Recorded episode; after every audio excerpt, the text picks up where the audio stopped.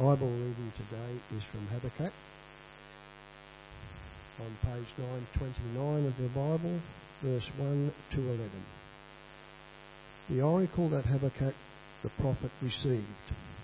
How long, O Lord, must I call for help, but you do not listen? Or cry out to you violence, but you do not save? Why do you make me look at injustice? Why do you tolerate wrong? Destruction and violence are before me. There is strife and conflict abounds. Therefore the law is paralyzed, and justice never prevails. The wicked hem in the righteous, so that justice is perverted. Look at the nations and watch and be utterly amazed, for I am going to do something in your days that you would not believe, even if you were told. I am raising up the Babylonians, that ruthless and impetuous people who sweep across the whole earth to seize dwelling places not their own. They are feared and dreaded people. They are a law to themselves and promote their own honour.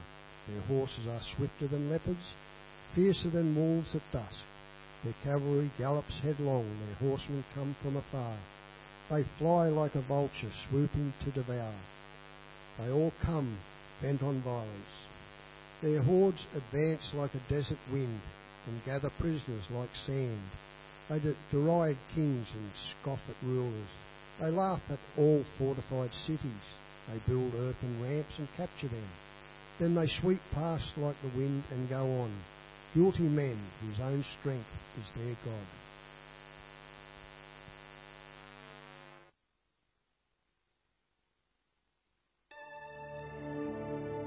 The book of the prophet Habakkuk.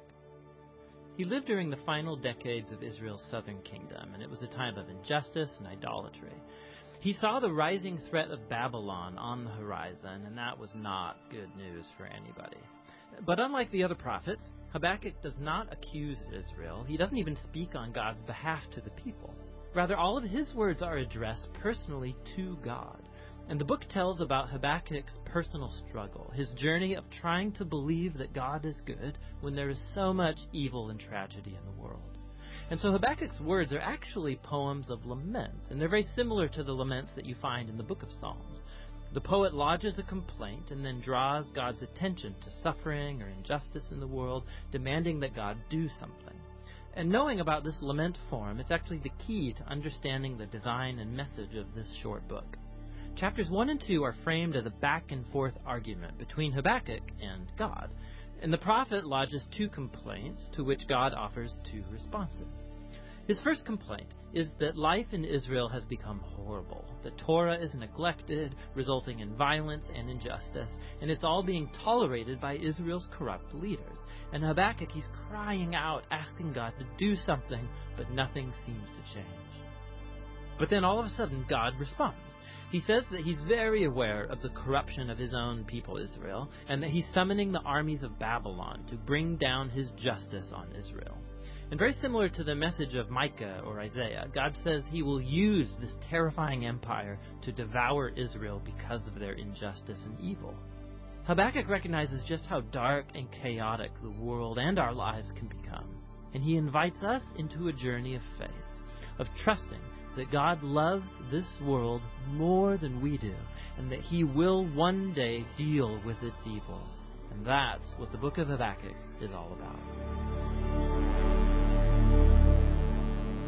Morning, friends. Can I get an honest show of hands of how many people have read Habakkuk in the last 12 months?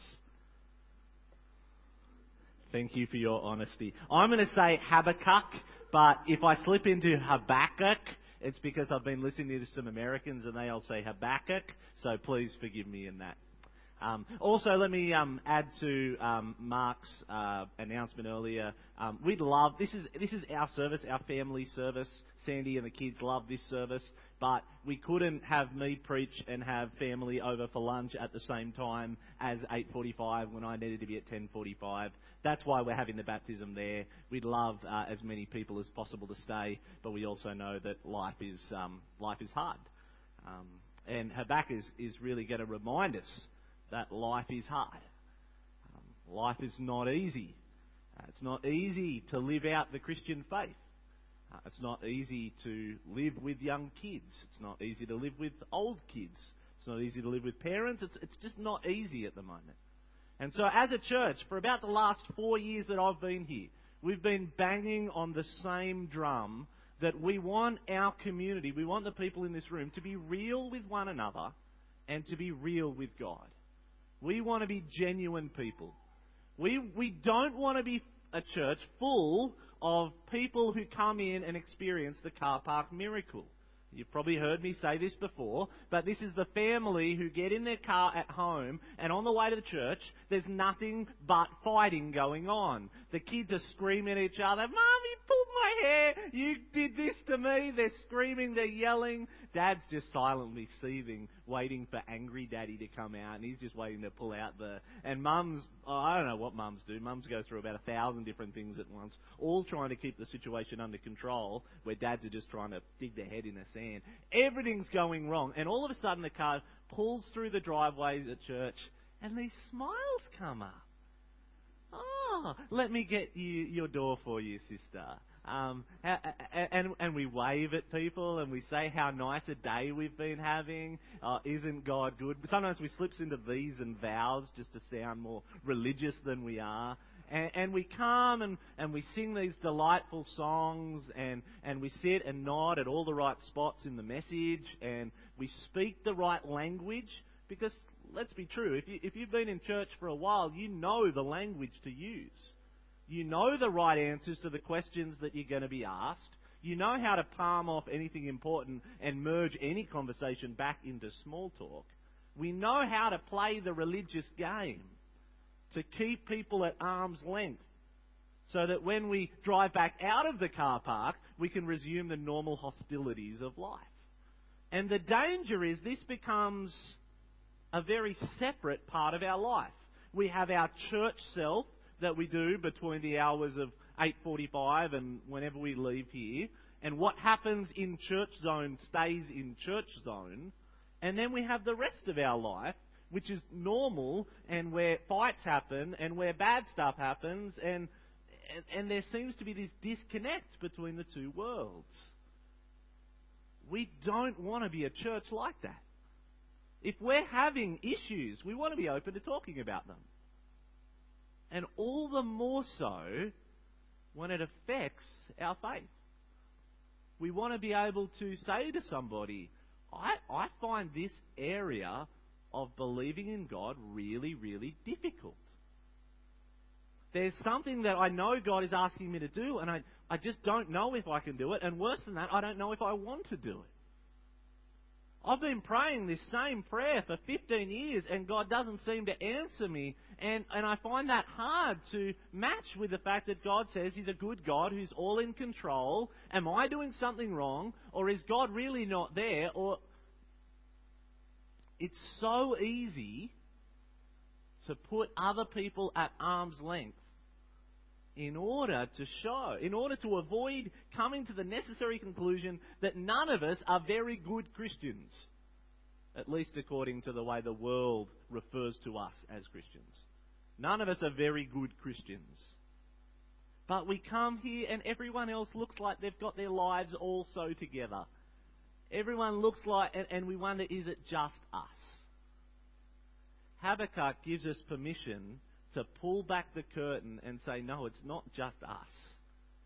Everybody has questions. Everybody has struggles. Everybody, if they're honest with themselves, will ask God questions. Why are you doing this, God? I don't understand. Why is this happening to my children? Or my parents? Or my neighbours?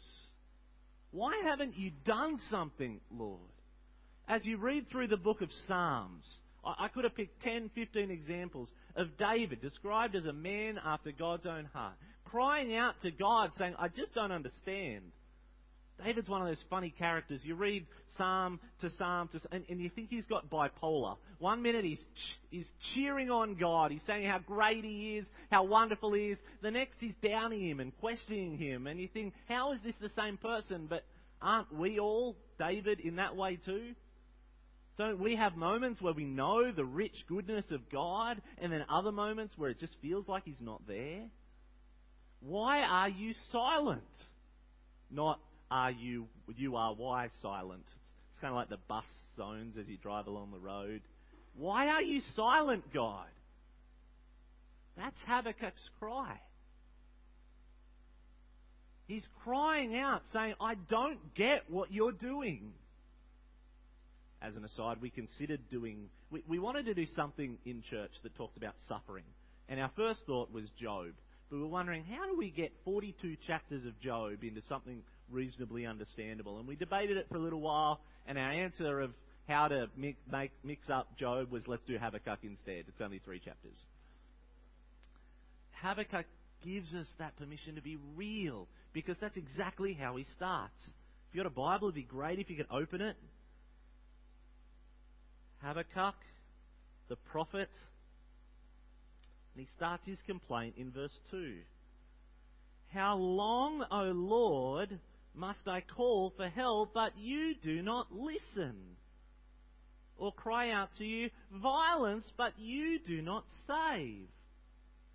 Why do you make me look at injustice? Why do you tolerate wrong? Destruction and violence are before me. There is strife and conflict abounds. Therefore, the law is paralyzed and justice never prevails. The wicked hem in the righteous so that justice is perverted. Look out at the world that you've made, God. Can't you see what's going on? That, that can be our cry at times, can't it? Have you seen what my family are going through? Have, have you seen the things that the government is doing? Have you seen the elections in the United States? Have you. Do you care, God? That's his cry. And, I think between David and Habakkuk, we get permission to make this our cry. That's why it's in God's Word. We're allowed to cry out, God, what are you doing? It doesn't seem to make sense. And you know, there's a real twist in the tale of this passage too. Because as, as we read it, if I was to read this for the first time, my thought after reading verses 2 to 4 would be which wicked punk nation have come in and totally destroyed justice in Israel? Who is it? Is it the Assyrians? Is it the Egyptians? is a, you know, which, which rude, annoying nation has come in and messed it all up? And you know what the twist is? Guess who's the nation that's perverting justice? It's Israel. It's God's own people. Habakkuk is crying out saying, the leaders that you've put, the people, they've gone off the ropes.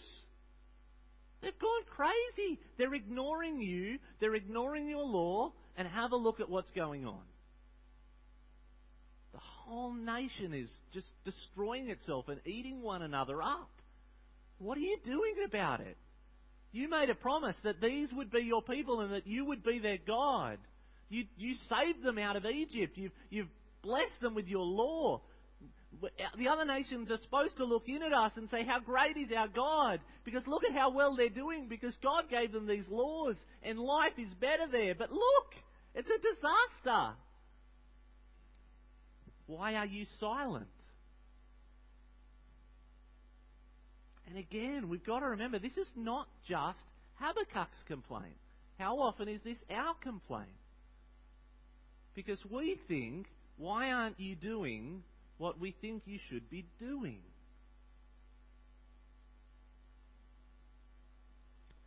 There's something that sort of happens between verse 4 and 5 that's not made explicit, but it's pretty remarkable if you think about it. God answers Habakkuk's cry. Just blows my mind.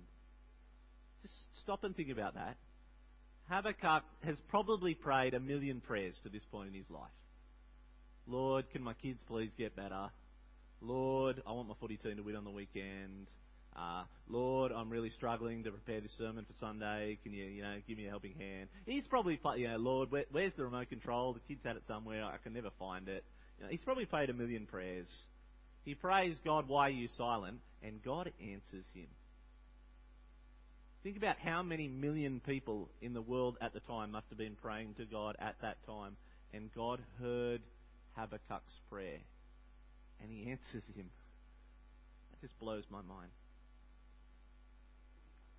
I once saw verse 5 written on a coffee mug. And taken out of context, it is a beautiful, beautiful verse. Look at the nations and watch, and be utterly amazed. For I am going to do something in your days that you would not believe, even if you were told. It is a beautiful coffee mug verse, isn't it? I'm going to do something so wonderful in your days that uh, even if I told you no one would believe it, you could look at that and go, wow, I wonder what it's going to be. You know, what's this big thing that God's going to do? I'm, I'm looking forward to it. What is the big thing that God's going to do? He's going to raise up the Babylonians. He's going to wipe out Israel. He's going to bring in the meanest, fiercest looking guys in all of the ancient world, and he's going to smack down Israel. As you read from sort of verse 7 to 11, and I'm not going to do it now, it's, it's nasty language. These are bad guys. This is a bad country. In fact, this country is so bad that in next week's sermon, bit of a preview, Adam is going to be preaching to us next week. In Adam's sermon next week, we're going to hear that Habakkuk comes back at God and does what we do. He gets all theological on God. He goes, Oh, God, you're holy and, and you're perfect and, and you, you can't bear sin. You know, far be it from you to bring in these evil people to discipline us. we, we try and out God God. How often do we do that? We may not admit it, but we do it all the time. You would never do that, God. God, you know, Habakkuk says, You won't do that. And God says, You mark it in your calendar. Because I'm going to do it. I'm going to do it. I'm going to do something in your day that even if I told you about it, which I'm kind of doing now, even if you knew, you would not expect. I am not silent, God says. I am not silent. I know exactly what I'm doing. I have a plan, and my plan will come about. I'm going to do something about injustice. I'm going to do suffer, something about corruption. I'm going to do something about this nation that has lost control and have lost their side of me. I'm going to do something about it. I'm going to wipe them out. It's a nice, lovely baptism sermon to give, isn't it? I got 24 non-Christian family members coming. I'm glad I got a bit of a practice run at this one first. God literally says, I'm going to come in and I'm going to do something about injustice, and it's going to involve judgment. And he says the same thing for us. I see the injustice in the world, and I'm going to do something about it, and it's going to involve judgment. And at the, at, at, at the start, in thinking about that, that sounds like pretty bad news. But it's going to get better. It's going to get better because when God makes his promises, he always answers them. When God gives a promise, he always, you can bank on it. When God gives a promise, he always makes his promise.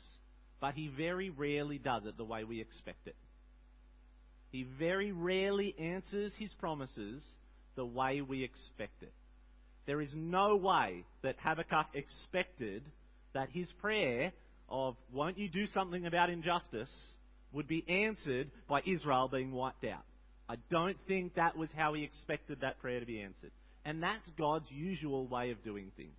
He makes promises, he answers them, but very rarely in the way we expect. Let me give you three examples. Come back with me to Genesis 15. Genesis 15, it's on page 13. Genesis 15 on page 13. God has just called this man called Abram. You'll know him better as Abraham as he gets his name changed later. God has called this guy Abram and said, Come, leave your family, leave your town, leave everything you know, follow me, and I will bless you. I will bless those who bless you, I will curse those who curse you, and I will make you into a great nation. That's great. That's good news. Genesis 15. Um, God, uh, Abraham, Abram at this point has a problem with God's promise. I believe you, Lord. You've said I will become a great nation. There's only one eeny teeny little problem. I'm old. I have no kids, and the heir to my household is a jerk. How exactly is that going to work? Verse 2, Genesis 15. But Abram said, O sovereign Lord, what can you give me since I remain childless? And the one who will inherit my estate is Eliezer of Damascus. And Abraham's, Abram said, You have given me no children, so a servant in my household will be my heir. Then the word of the Lord came to him, This man will not be your heir, but a son coming from your own body will be your heir.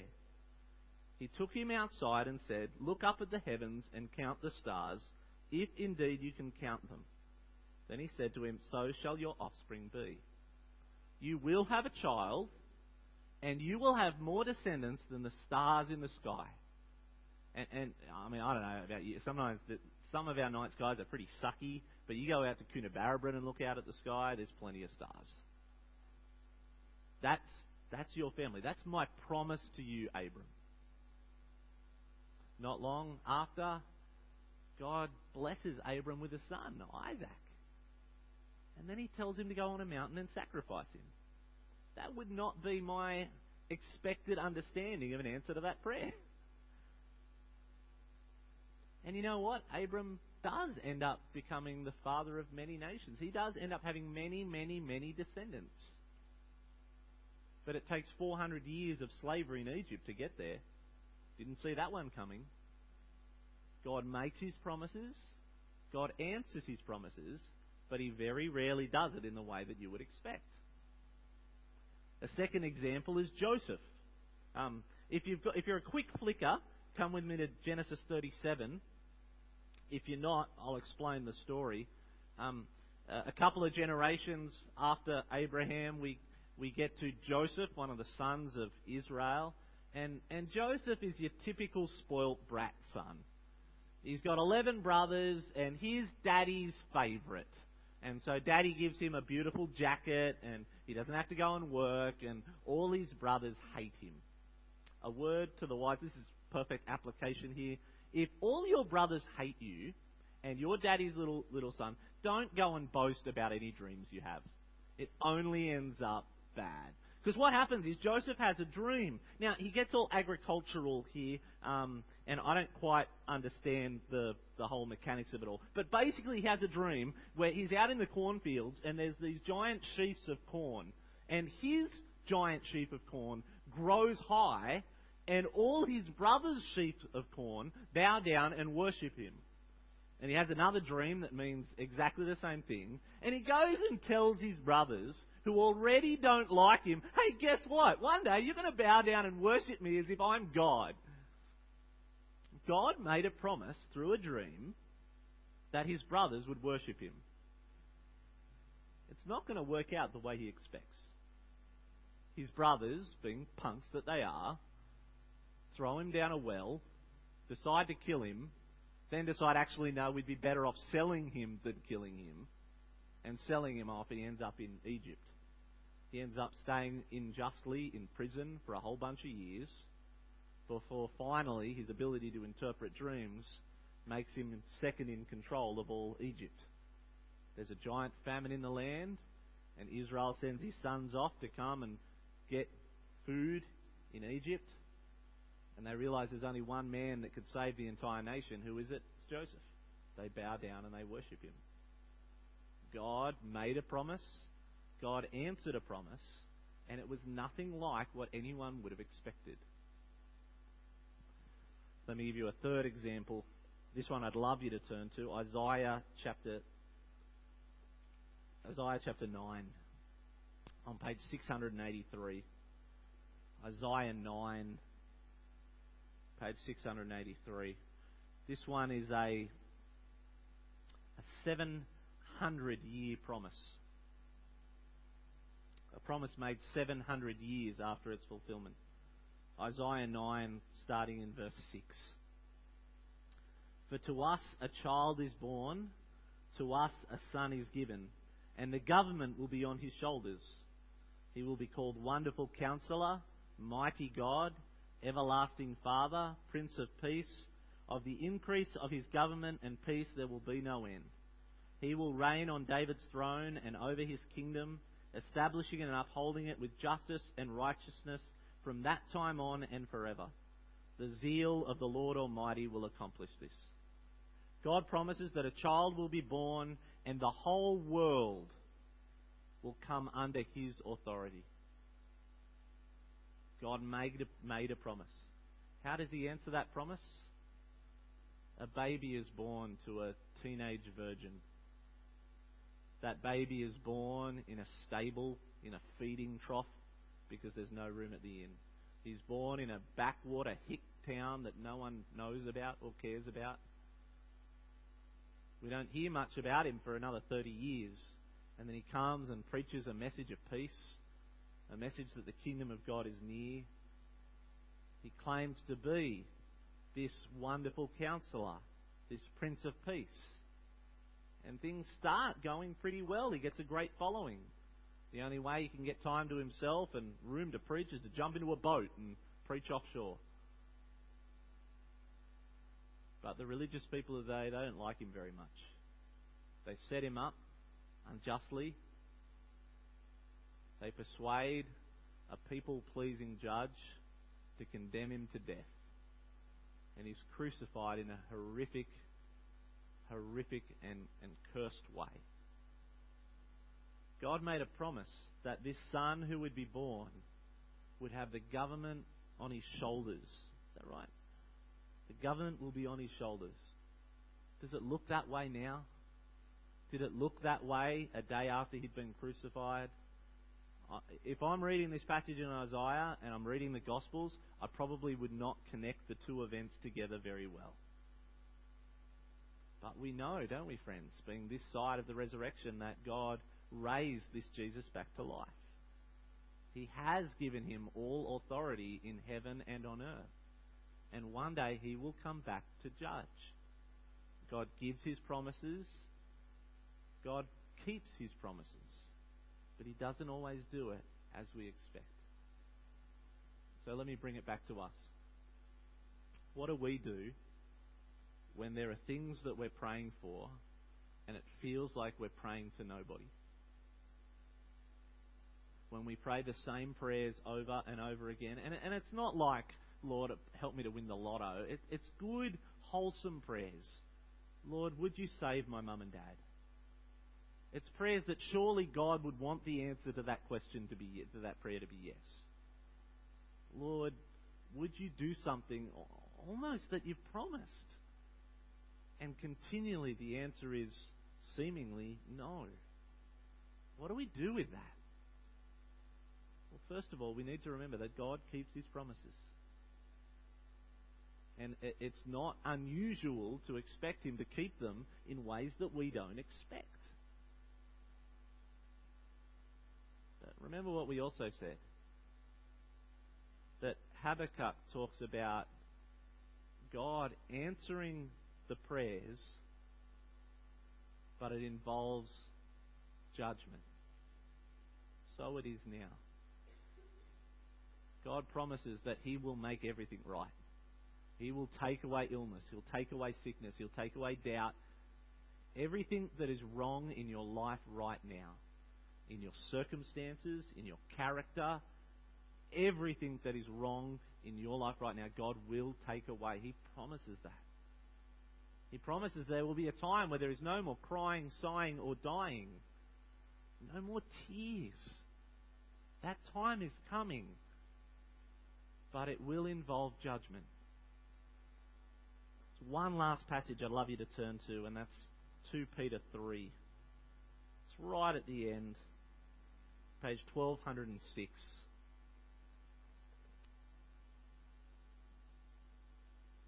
Two Peter three and verse eight. When you struggle with God's timing, and you just think, "Come on, can I just have a break? Can you just answer yes occasionally, just so I know that you're there?" He actually does that far more often than we give him credit for. 2 Peter 3 and verse 8. But do not forget this one thing, dear friends. With the Lord, a day is like a thousand years, and a thousand years are like a day. The Lord is not slow in keeping his promise, as some understand slowness. He is patient with you, not wanting anyone to perish, but everyone to come to repentance. But the day of the Lord will come like a thief. The heavens will disappear with a roar, the elements will be destroyed by fire, and the earth and everything in it will be laid bare. Now is the time of salvation, friends. The world is messed up, our lives are messed up, our circumstances are messed up. We cry out to God for help. He has heard our cry, He will answer our cry. The time is coming when all of those things will go away. But if you're a bit like me, you don't really want Him to answer some of those prayers right now. Because by answering them, that brings in judgment. And there are people that we know and love who aren't ready for that judgment yet. He's not slow to keep his promises. He's giving time that people might repent. And, and you might be sitting here today, and that might be you. That might be you. That God is saying, I'm, I'm, I'm being generous and gracious in not answering your prayers right now. Because you're not right with me. And if I was to answer your prayer right now, you wouldn't like the result. Come. Come to me. Ask all your questions. Don't pretend like you have it all together. Humble yourself. Be real with each other and be real with me. Humble yourself. Repent. And I will spare you of that judgment that is to come. I will bring you into a land that is good and right and just and perfect. God has made that promise to those of us who are following Jesus. He will, he will absolutely make good on those promises. In the meantime, let's realize that God's not silent. Because today is the day of salvation. Let me pray. Heavenly Father, this family that you've joined, that you've brought together this morning, this congregation of people, this, this church, this church of people this morning, we, we all pray that we would be real with one another, that we would be open to admitting our doubts and our frustrations and our questions, that, that we'd also be quick to, to share the joys of following you of prayers answered. And Father, help us to be real with each other that we might also be real with you. May we be people who don't pretend to have it all together. But Jesus said he came not for the healthy, but the sick. Lord, give us great patience. May we know deep within our heart that you do answer your promises. But may we be patient realizing that you answer your promises not always the way we expect them, and that before heaven arrives, judgment will come. Would we be right with you through the blood of the Lamb? And would we spread your message of forgiveness and new life to all we know? In Jesus' name we pray. Amen.